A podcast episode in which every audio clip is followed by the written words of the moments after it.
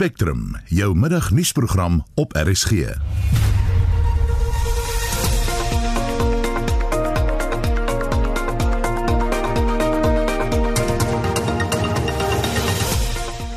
In die volgende uur studente betoog by verskeie tersiêre instellings oor befondsingskwessies. Die WNR bevind dat daar in 2020 meer as 850 uur van beerdkrag toegepas was.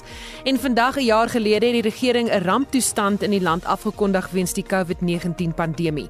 Goeiemôre, die redakteur is John Estreisen, produksieregisseur Lewona Bekes en ek is Susan Paxton.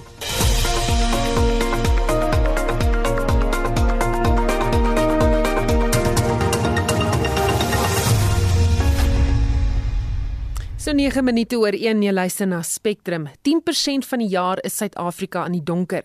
Dis volgens 'n verslag oor kragopwekking in die land wat pas deur die Wetenskaplike en Nywerheidsnavorsingsraad bekend gemaak is. Die WNR se verslag het bevind dat in 2020 daar 859 beerdkragure toegepas was, die hoogste nog.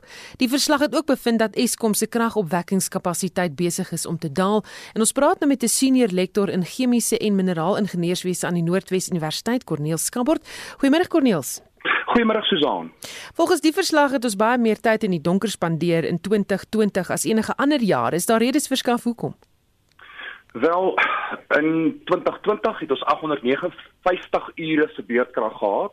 2020 was 'n skrikkeljaar, so uit daai 8784 ure is dit so net onder die 10%.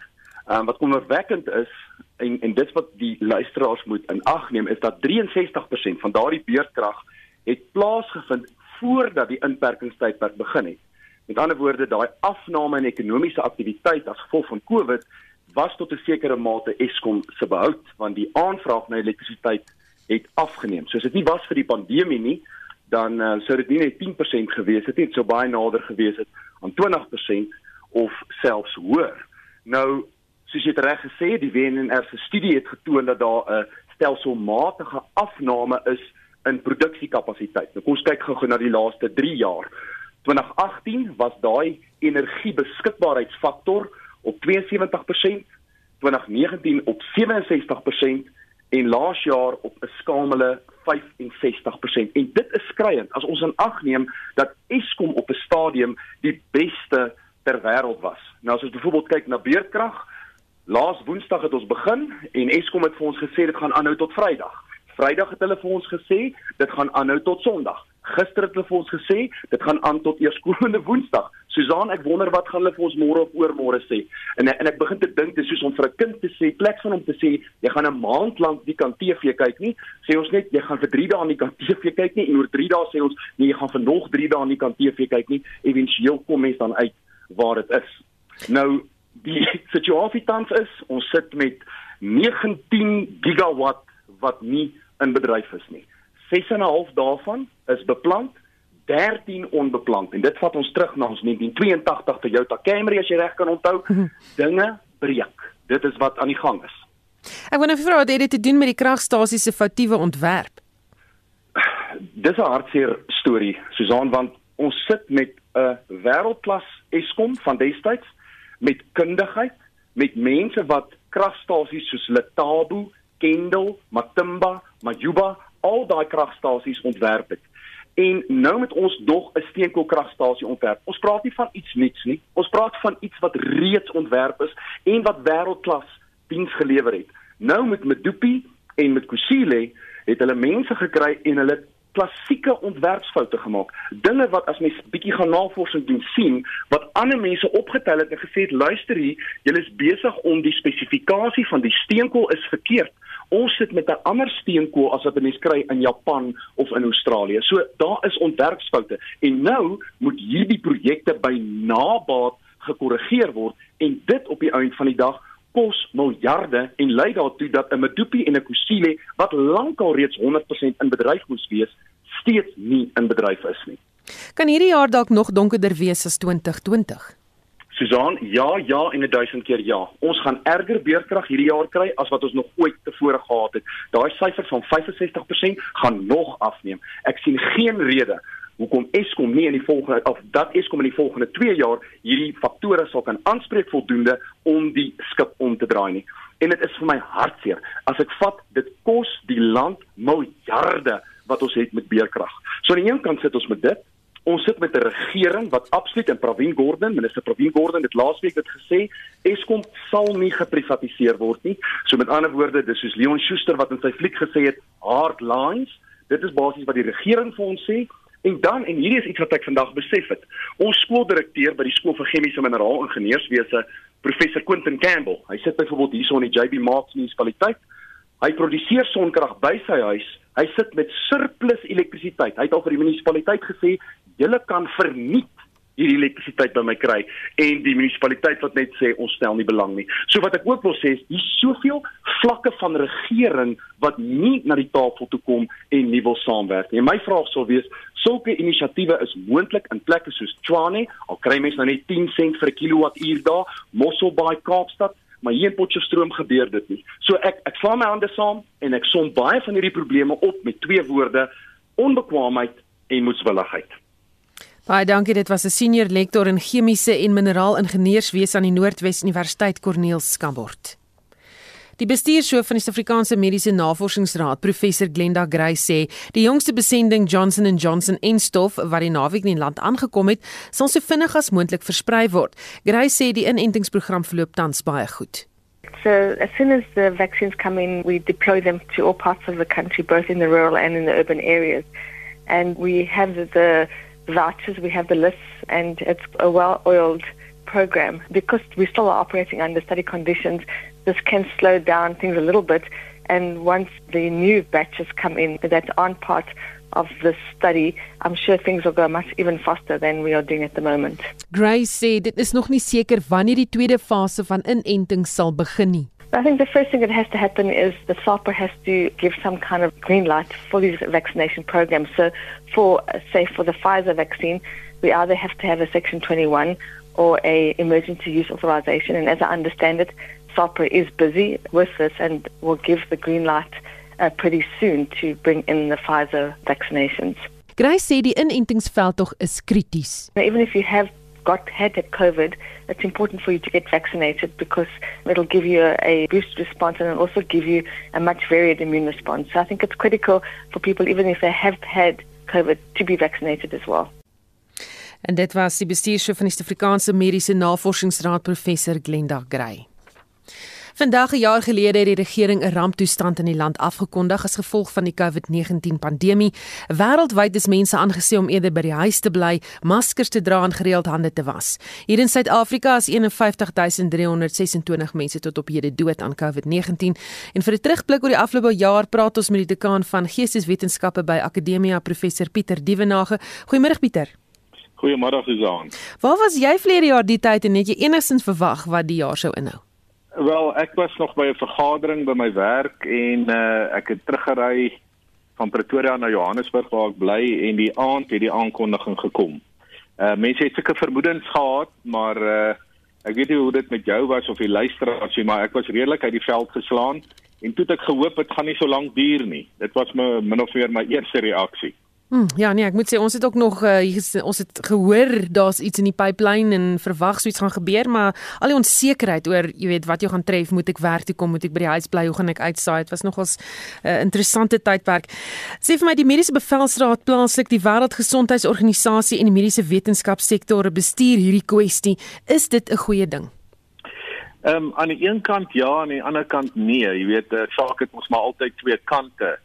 Ehm um, en ek dink uh, wat mense hier het en en en dit is nou deel van die aspekte van die pandemie wat mense bietjie nou 'n jaar later miskien moet na kyk na die politieke, die ekonomiese, die tegnies wetenskaplike en die psigiese aspekte van die pandemie. En jy het nou mooi uh eersins gewys eintlik na die politieke kwessie, Susan, en dit gaan nou oor ehm um, het die regerings saam met uh die mediese kundiges dalk nie te ver gegaan nie. En mense dink ook nou hier aan die Wêreldgesondheidsorganisasie soos jy gedink het, maar ook uh, ons eie mediese uh, raad, jy weet, en uh, die manier waarop regerings nie net hier nie, maar oor see eintlik mediese kundigheid gevat het uh, as 'n uiters belangrike aspek hier rondom. Nou ek wil nie daarteen polemiseer nie, maar ek wil ek wil tog kritiese vrae vra. Wat bly dan oor van die res van die politieke stelsel nê? Wat waar is die parlement? Waar is die uh, debattering daar was eintlik nie 'n debattering oor oor die pandemie nie nou mense kon argumenteer dit het so vinnig op ons afgekom maar daar was nie werklik 'n politieke debattering in die parlemente van die wêreld en so aan dit het net eenskaps gebeur Nou klomp dim, weet ek klomp dinge het verander soos hoe ons skool gaan, werk, selfs inkopies doen. Alles het in 'n virtuele ruimte in beweeg of is vinnig daarin gestuur. Ja, dis die dis die tegniese kwessie, nê. Ehm um, ons het nou nog nie eens gepraat oor die kwessie van vryheid by die politiek nie, maar ons kan dit net daar tussen hakkies laat. Maar die maar die tegniese ding is natuurlik nou dat ons lewe in 'n sogenaamde era van virtualisering of digitalisering. En uh, eintlik is alles daardeur aangeraak en ook die opvoeding, net die skole, die universiteite en so meer. So ehm um, mens kan nou oor hierdie digitalisering ook weer eens praat want dit is tegniese dinge, dis dis 'n tegnologiese wending in die samelewing wat al 'n hele end met ons kom. Dit dit is nou nie net van 2020 hier met ons. Jy weet die virtualisering, dit is eintlik iets wat al reeds van die 1980s met die rekenaar, ehm um, jy weet vernuwings en alles wat daarmee plaasgevind het, uh, met ons is, maar dit het geïntensifiseer verlede jaar. En soos enige tegnologie het dit natuurlik 'n positiewe kant uh, en dit het 'n donker kant. En gepraat van daardie politieke vryheid, jy weet, wat is die grootste vraagstukke vir ons nou vir die toekoms? Wel, ek sou sê, ehm um, ons moet polities kyk weer eens na ehm um, wat is die rol van die wetenskap in die samelewing, nê? Nee? Ehm um, wat is die die rol van ehm um, mediese kundiges ehm um, as wetenskaplikes? Tot waar strek hulle kundigheid en waar moet politieke stelsels in plek kom of ehm uh, weet die die politieke besluitnemingsstelsel dis een ding wat baie belangrik is. Tegnies ehm um, is dit so dat ons ehm um, kan nou by die huise werk. Jy weet ons kan ook opvoeding byvoorbeeld baie meer nou aanlyn doen en al daai dinge wat daarmee saamhang. Maar die groot punt is net het die mense nie dalk nodig om ook met mekaar in kommunikasie of in ehm um, jy weet nabye ehm um, kontak te wees nie. Dis die groot punt. Ehm um, weet is is ons gemaak om in ons huise te sit, om geïsoleer te wees van mekaar, om maskers te dra. Ehm um, jy weet is die mens nie gemaak om ook ehm um, in kontak met mekaar te wees en om sosiaal naby te wees en al daai dinge wat daarmee saamhang nie. Hmm. So wat het hierdie gebeure dan fisies en selfs geestelik aan ons gedoen dink jy? Wel ek dink ehm um, kyk in die eerste plek uh, met die Grendelstaat was dit nie te sleg nie want 'n mens kon so 'n bietjie batterye laai en jy kon so 'n bietjie ehm um, jy weet net stil by die huis wees, bietjie beter slaap en so aan, maar uiteindelik het dit tog mense se lewens en lewenswyse drasties verander. As mens net kyk, ehm um, in 'n sekere sin het hierdie pandemie gelei tot isolasie, tot werkloosheid. Ek hoef nie daaroor ver uit te brei nie stres en angs. En soos ek voorheen ook gesê het, jy weet die afsny van mekaar, die dra van maskers. Uh, die groot vraag is is die mens uh, gemaak soos ek gesê het, is die mens ehm um, ehm um, 'n wese wat so in isolasie kan uh verkeer of het nie ook mense rondom hom nodig nie ook in die onderwys is die groot punt dis goed om digitalisering te hê om virtualisering maar die klaskamer situasie waar die dosent die student in die oog kan kyk en in 'n millisekonde kan sien waar is sy klas met sy klas gee. Daar is baie belangrike aspekte wat tegniese uh, vernuwing, hoe goed dit ook al kan wees, nie kan vervang nie. En dan is daar natuurlik uh, laastens, jy weet, ehm um, Susan, ehm um, patologie wat nou kan ontwikkel ehm um, in hierdie pan, uh, pandemie, jy weet, ehm um, persoonlikheidsafwykings, die afsny van mekaar, die ehm um, psigiese isolasie. Ek dink ons is nog maar aan die vooraan van ehm um, van dinge wat wat nog gaan ontwikkel vanuit die pandemie wat op mense se gees uh, en en op hulle geestelike gesondheid gaan inwerk. As jy nou uh, jy weet dalk raad het vir die jaar vorentoe. Ek dink jy ons gaan ooit weer terugkeer na 'n tyd voor Covid nie. Uh, dinge het heeltemal verander, maar waarop moet ons bedag wees? Wat moet mense nou onthou? Ek dink die belangrike ding veral vir ons in Suid-Afrika is daar kom 'n derde golf ehm um, van die pandemie. Die enstowwe wat ons tot dusver gekry het is by verre nie genoegsaam nie. So hierdie derde golf kom uh soos ook uh internasionaal, maar die verskil tussen Suid-Afrika en die internasionale toneel of by die meeste lande is dat uh die entstowwe verder gevorder is in Suid-Afrika en dat ons dalk die gevaar loop om nog nie net 'n derde ehm um, jy weet golf uh, te hê nie, uh, maar ook 'n vierde en 'n vyfde. Baie dankie. Dit was die dekaan van Geesteswetenskappe by Akademia Professor Pieter Dievenage. Verskeie universiteite en ander tersiêre instellings neem vandag deel aan landwyse betogings oor studente befondsing, Marlene Forsie het meer besonderhede.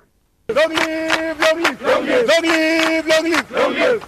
Comrades, what we're doing here is exactly what we had promised. We told these universities, we told these TVET colleges, we told the higher learning institutions that we are going to close down this entire country. In Johannesburg het wit studente die strate ingevaar. Hulle vra volgens ons verslaggewer Asina Gori dat winkeleienaars hulle besighede toemaak om hulle saak te ondersteun. Studente eis die bedanking van die rektor en die minister van hoër onderwys. Aanlyn klasse gaan wel voort soos gewoonlik en die kampus is volgens Gori rustig. Vroeg vanoggend het 'n groep betogers bande aan die brand gesteek en ingangsroetes na die SAIK in Johannesburg versper. Die woordvoerder vir die Suid-Afrikaanse Studente Kongres, SASCO, het aan die SAIK hulle eise voorgehou. the clearance of historical debt. Prospective students who are coming in are being accepted one moment, you are no more accepted as a student.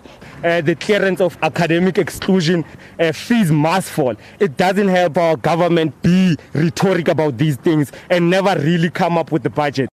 Studente aan die Nelson Mandela Universiteit in die Oos-Kaap neem ook deel aan die aksie terwyl alle ingange na die Rhodes Universiteit se kampus versper is. Fort Heer se studente weier egter om deel te neem. En dan aan die Universiteit van die Vrye State sê die studenteraad se president Katlego Lechu, hulle eis die bedanking van die rektor, professor Francis Petersen. Professor Peterson and his friends, the chair of council and the chancellor, was very clueless and leaderless as far as uh, processes of the university are concerned, are very arrogant and they've proven that their interest lies with particularly with the capitalist system, uh, the likes of Bidvest that is benefiting from this institution. They don't care about an academical but poor uh, black student at this university. 'n Groot groep studente aan die Moteo College vir tegniese en beroepsopleiding het ook in Bloemfontein na die premier se kantoor opgetrek om 'n griefskrif te oorhandig. We have applied for varsities and we have applied for jobs and everything, but we do not have qualifications. Whereas we're done with everything. Have you been able to register? I did register, but now the, the university wants confirmation of my marks, my results. Where do I get that? Because the, the school did not give us that. The, they're offering to give us a, a, stupid letter. There's no varsity that will take you a letter that says uh, your marks are pending. They keep telling us maybe on the 23rd they will come out. Some of us want to apply for jobs. We can't do that. Our lives are stuck. Sover is dit nog relatief stil in Pretoria en Mpumalanga omdat die studenterade nog vergader om te bepaal of hulle wil deelneem aan die betogings landwyd.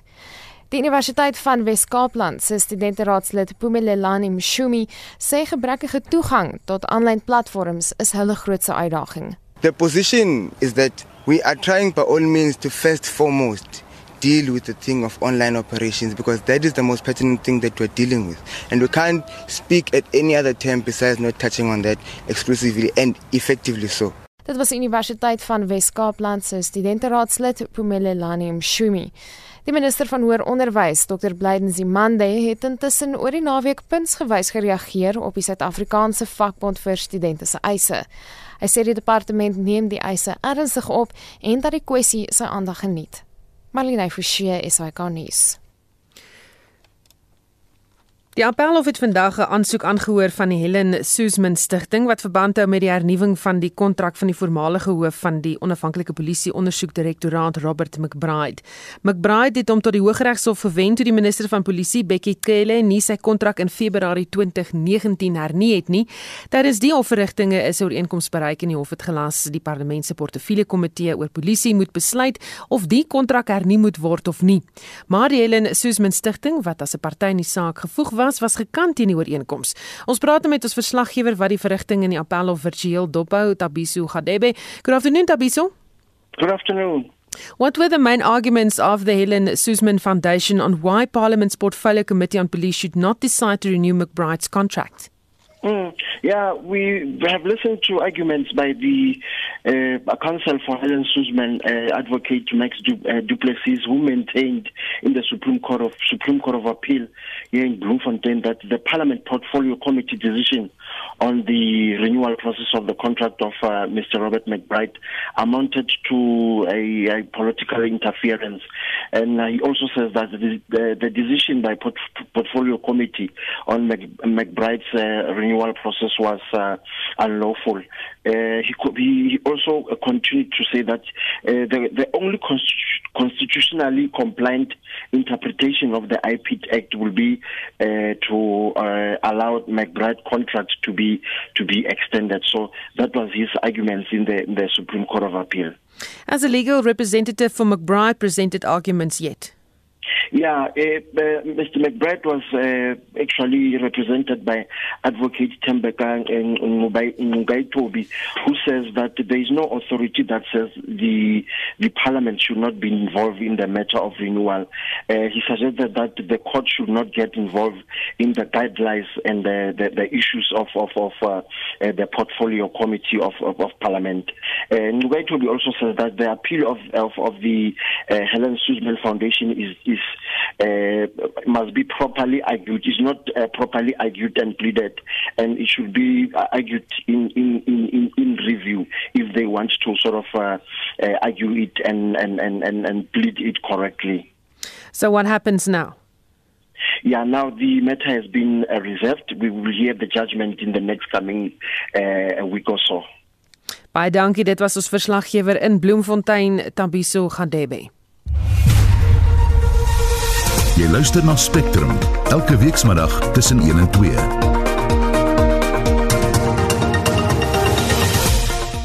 Half 2 in die program die Duzani Zuma wil die volgende president van Suid-Afrika wees en die Amazulu koning Goodwill Zwelithini sal tydens 'n privaat seremonie te ruste gelê word. Bly ingeskakel. Hier is Shaun Jose met die jongste sportnuus. Ons begin die verslag met rugby nuus. Volgens berigte in die media kan die Springbokke en Stormers flank Pieter Steef te Tooi moontlik hierdie week al 'n 2-jaar kontrak met die Japaneese klub Toyota Verblits onderteken. Die 28-jarige De Tooi is sedert Maart 2020 op die krikkelys nadat hy 'n beenbesering in 'n Super Rugby wedstryd teen die Blues opgedoen het. Ander Suid-Afrikaners by die klub sluit die slot Jason Jenkins, loskakel Lionel Cronje en heel agter Willie Leroux in.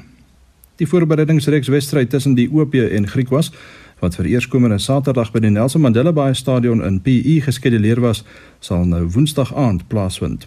Saro het verlede week uitgevind dat die stadion reeds vir 'n DStv Premier Sokkerliga wedstryd tussen Chippa United en Morocco Swallows geboek is. Beide spanne mis uit op die 10 dae periode tussen wedstryde met Griekwas wat verlede Dinsdag en die OP wat verlede Woensdag in wedstryde betrokke was. Die aksie skop die aand 7uur af. Op die sokkerveld draf Wolves van Antineer in die Engelse Premier Liga teen Liverpool op die veldtyd. En laastens op die tennisbaan in die eerste ronde van die manstoernooi in Dubai kom Suid-Afrika se Lloyd Harris teen Christopher O'Connell van Australië te staan. En dit was Shaun Jooste van RSG Sport. Die sangeres Beyoncé het die naweek geskiedenis gemaak deur haar 28ste Grammy toekenning te ontvang. Sy het gisteraand met 4 toekenninge huis toe gestap en is nou amptelik die uitvoerende kunstenaar met die meeste Grammy toekenninge in die geskiedenis van die toekenningsgeleentheid. Haar dogter Blue Ivy is saam met haar en Wizkid vereer as medewerkers vir die beste musiekvideo vir Brown Skin Girl. So 1338, Duduzani Zuma, die voormalige president Jacob Zuma se seun, het aangedui dat hy die volgende president van Suid-Afrika wil wees. Volgens die Sondagkoerant rapport het Zuma aangedui dat sodra vlugte na Suid-Afrika hervat, hy gaan terugkom en meeding om die posisie. Zuma bly al die afgelope 5 jaar in Dubai. Zuma wat 'n besigheidsvernoot van die Gupta familie is, het aangedui dat die nie 'n poging is om vervolging teen sy pa te stop nie, maar hy glo ook in die, sy pa se onskuld. Hy ons praat nou met 'n politieke ontleder van die Universiteit van Pretoria, Roland Henwood. Goeiemiddag Roland. Goeiemiddag Susan. Wat is die Duzani Zuma se kans om president te word? Om iets te wil word is een ding, om dit reg te kry is iets anders en ek dink sy kans is baie naby aan nul. Ehm um, as ons gaan kyk na die normale prosesse wat van toepassing is op mense wat daai amp in Suid-Afrika wil bekleed. So, hoe werk die ANC wanneer dit kom by posisies vir sy lede? As ons kyk na die ANC grondwet dan stel dit baie duidelik die proses dat jy lid word van 'n tak, dat jy betrokke is by 'n tak, daarna kan jy verkies word tot die bestuur, daarna kan jy tot die regionale bestuur verkies word en dan die provinsiale leierskap en dan die nasionale vlak. Um, ek dink die een ding wat mense moet onthou is dat die ANC is nogal tradisievas en en 'n konservatiewe organisasie. En as ons gaan kyk na al die leiers van die ANC dan het niemand van buite ingekom en 'n toppos beklee nie. Al hierdie mense het 'n pad geloop, hulle het hulle self bewys binne die organisasie voordat hulle in oorweging sou kom vir die tipe pos wat ons hiervan praat. Nou dit is Zaneblalig ruime tyd in Dubai. Hoe gaan hy steen hier verf? Nou, dis een van die ander aspekte is dat hy vir 5 jaar nie in Suid-Afrika is nie en hy sê hy sal terugkom sodra daar vlugte is. Ehm um, nou dit klink vir my na baie vaal oop eendag sal ek terugkom. Ehm um, die vermoede is dat hy waarskynlik gaan staat maak op die ehm um, bande met sy pa en sy pa se geskiedenis binne die ANC en dan ook gaan staat maak op geld wat as 'n mens gaan kyk na wat hy sê wat hy van uit Dubai gaan kry. Ehm um, nou dit laat mense onmiddellik ook wonder oor die presiese manier van doen en wat dit beteken.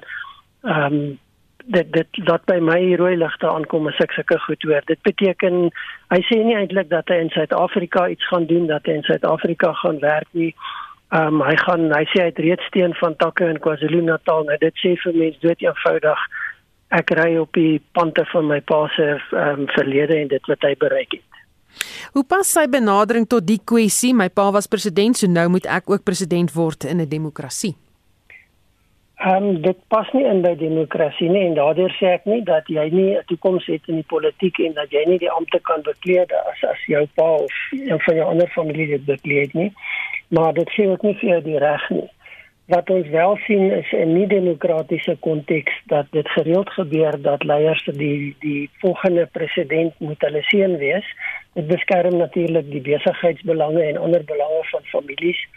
En wat hy sê laat my meer daaraan dink as 'n demokratiese proses waar jy die proses gaan betree en jouself gaan opwerk deur strukture om te kom op die punt waar jy eers in aanmerking sal kom vir hierdie tipe pos. Is die leierskap resies om presidentskap nou aan die gang? Dit lyk so. Ons het die afgelope dae 'n paar ehm um, aankondigings en aktiwiteite gesien wat vir 'n mens aanduiding kan gee dat dat leiers binne die ANC begin die waterstoets begin kyk hoe waai die politieke winde en dit is moontlik dat dat dit die aanduiding is. Ons moet onthou dat een van die beginsels in die ANC in elk geval uh, uh, dit is wat die ANC sê is dat mense nie hulle self aankondig as leiers nie. Jy word geroep tot daai pos, jy word verkies tot daai pos. Ehm um, so jy maak nie 'n aankondiging om te sê jy's in die wetloop vir leierskap nie. Dis natuurlik 'n uh, bietjie van 'n mite want ons het in die verlede gesien veral die afgelope twee leierskapskongresse dat daar redelik hard gewerk word deur mense om dit bekend te maak al is dit op 'n indirekte manier dat hulle aspirasies het en dat hulle beskikbaar is en natuurlik dan die groot organisering rondom hierdie projek wat wat 'n klomp ander mense intrek wat behulpsaam is daarmee en daarsonder gaan jy nie suksesvol wees nie.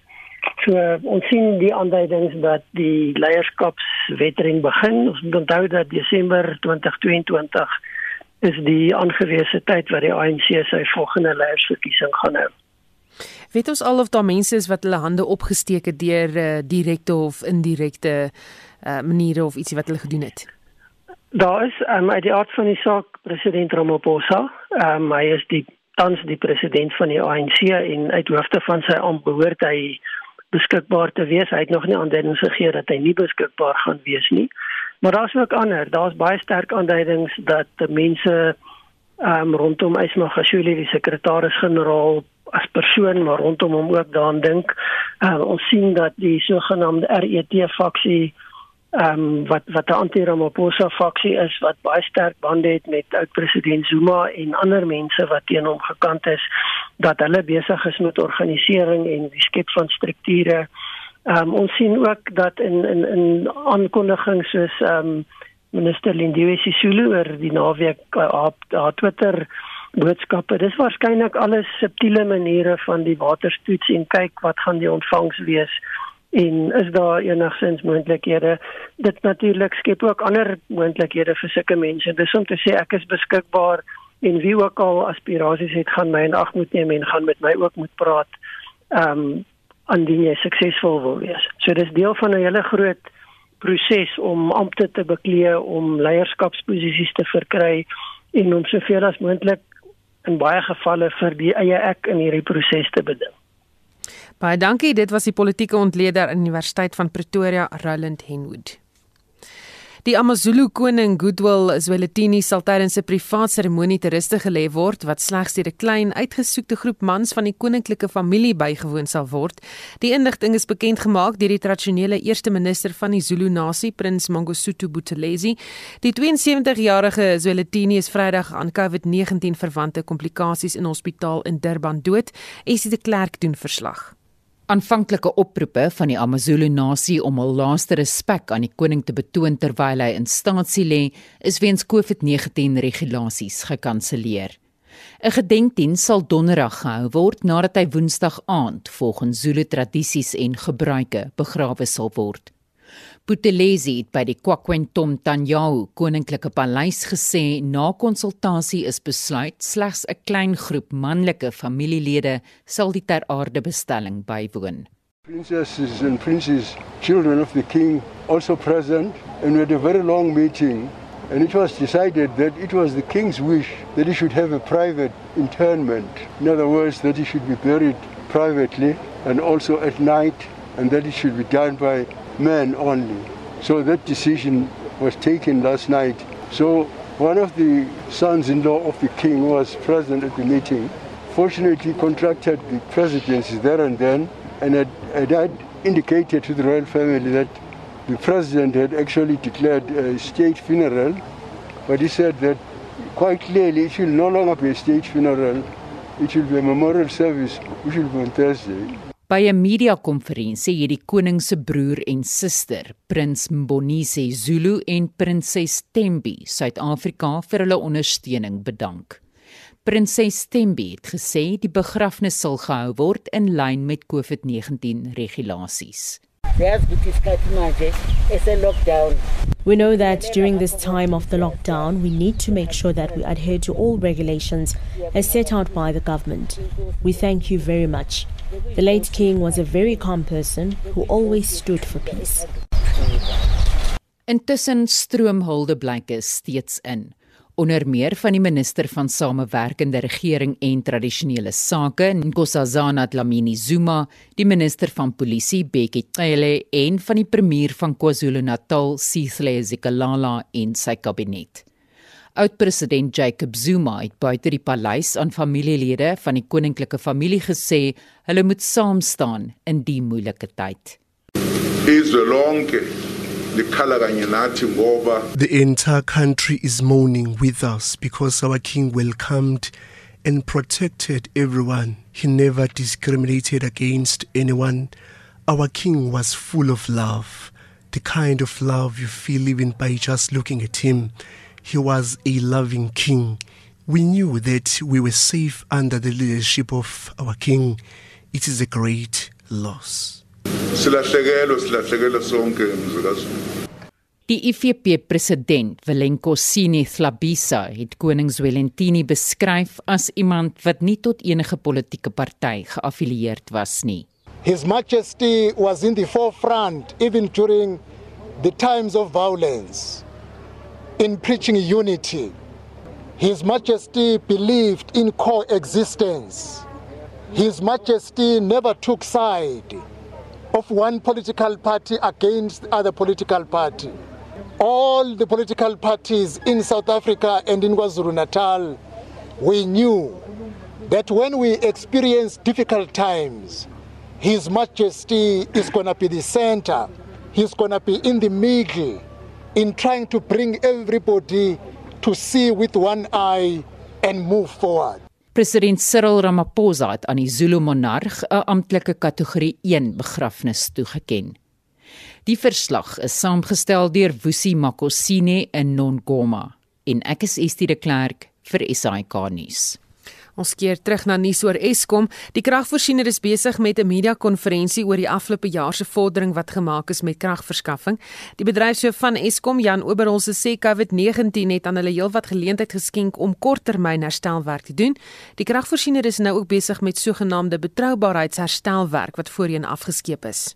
As from about June last year, we then started embarking in doing the reliability maintenance. However, what is important to understand is if you take some of these units off, that means although we are tight for supply to meet the demand of the country, so if you take additional units off, additional capacity, that means you have less that is available. And with unreliability and unpredictability of our system, it makes it even more challenging. So although we had some load shedding uh, since uh, 43 days, including today, since the 1st of April, uh, compared to about 46 days, uh, the same period uh, last year. Taking out this capacity that is actually needed to supply in the demand, I believe that we have done actually quite well.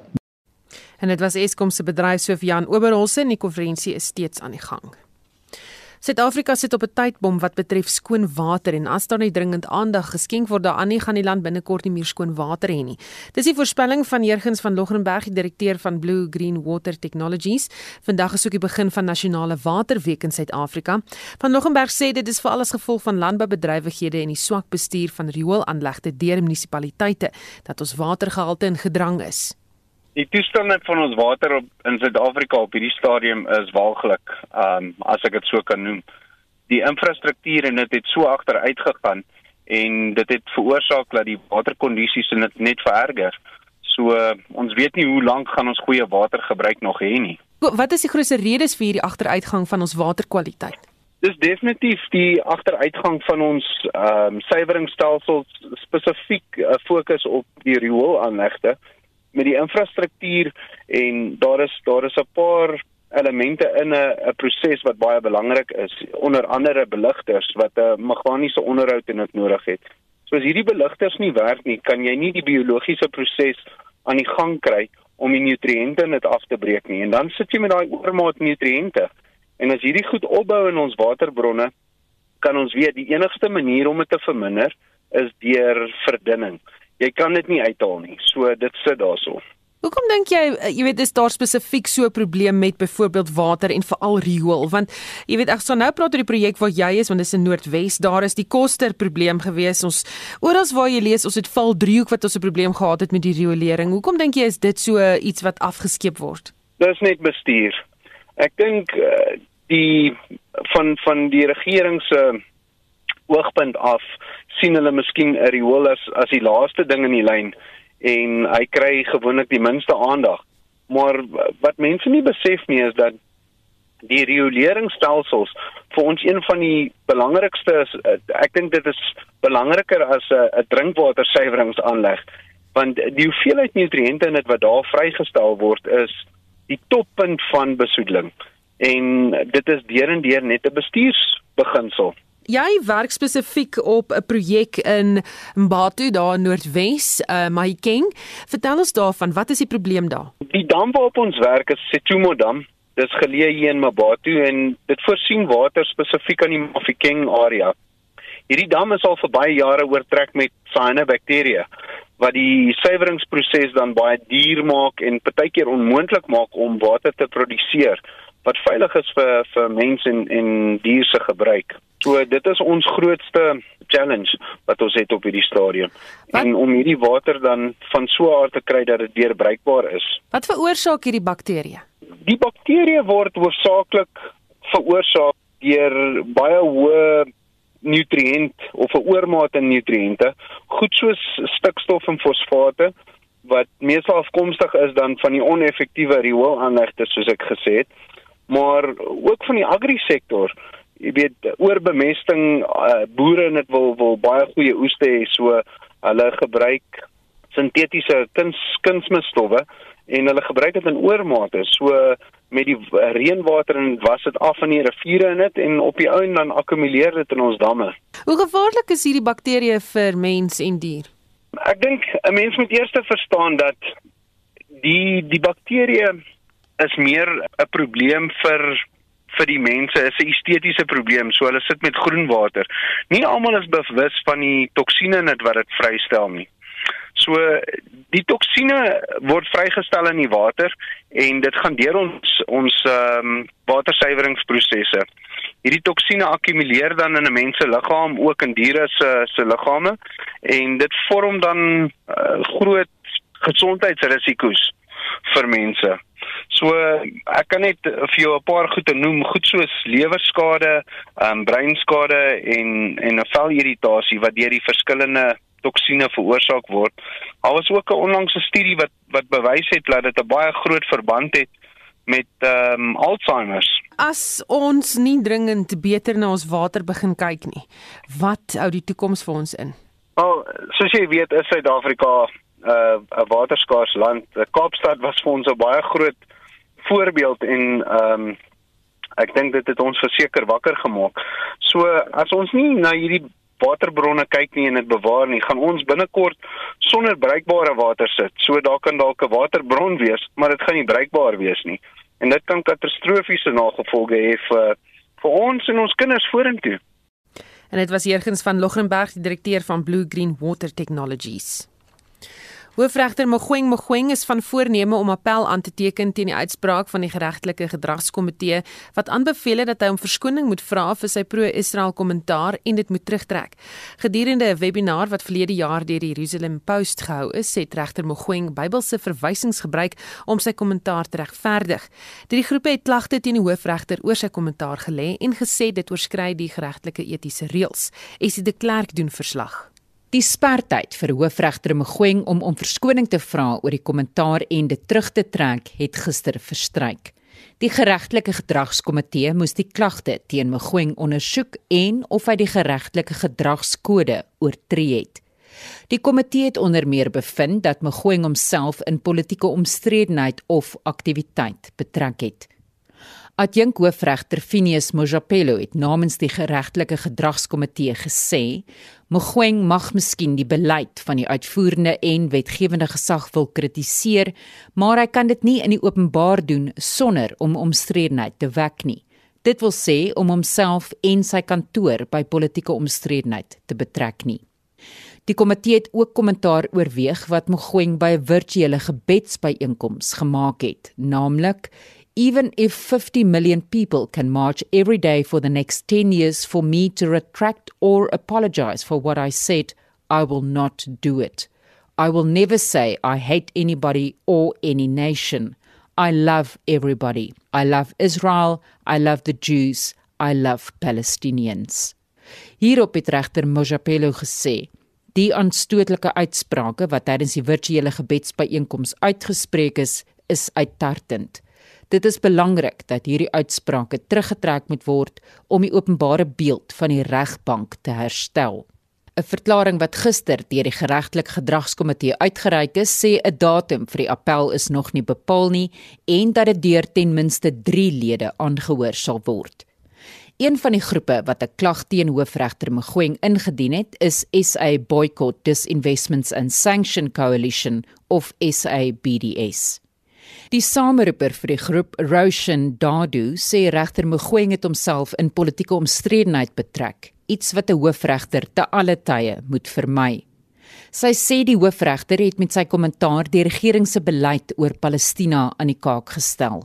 We made the claim that the Chief Justice knowingly went on to a webinar billed as the two chiefs with the Chief Rabbi of South Africa The webinar was hosted by the Jerusalem Post, which is a right wing English language Israeli newspaper, and that this was just prior to our government in the UN Security Council issuing a statement at the time against the proposed annexation of further Palestinian territories. So we do feel that he knowingly made pro Israeli comments. He put the government in an embarrassing position. And our initial complaint, we raised this point that the JCC concurred with. Daru sê die organisasie is verslae maar nie verbaas nie dat regter Mogoeng regter Mojapelo se instruksie om om verskoning te vra gaan teenstaan.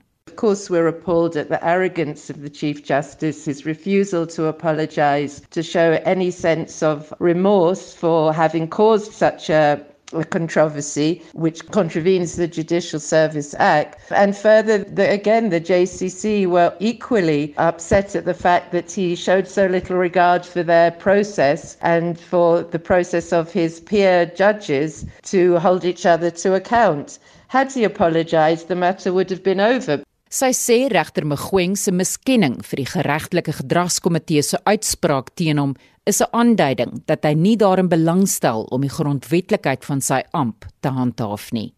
Ek is Estie de Klerk vir SAK nuus. En daarmee groet die Spectrum span. My naam is Susan Paxton. SAK nuus. Onafhanklik, onpartydig.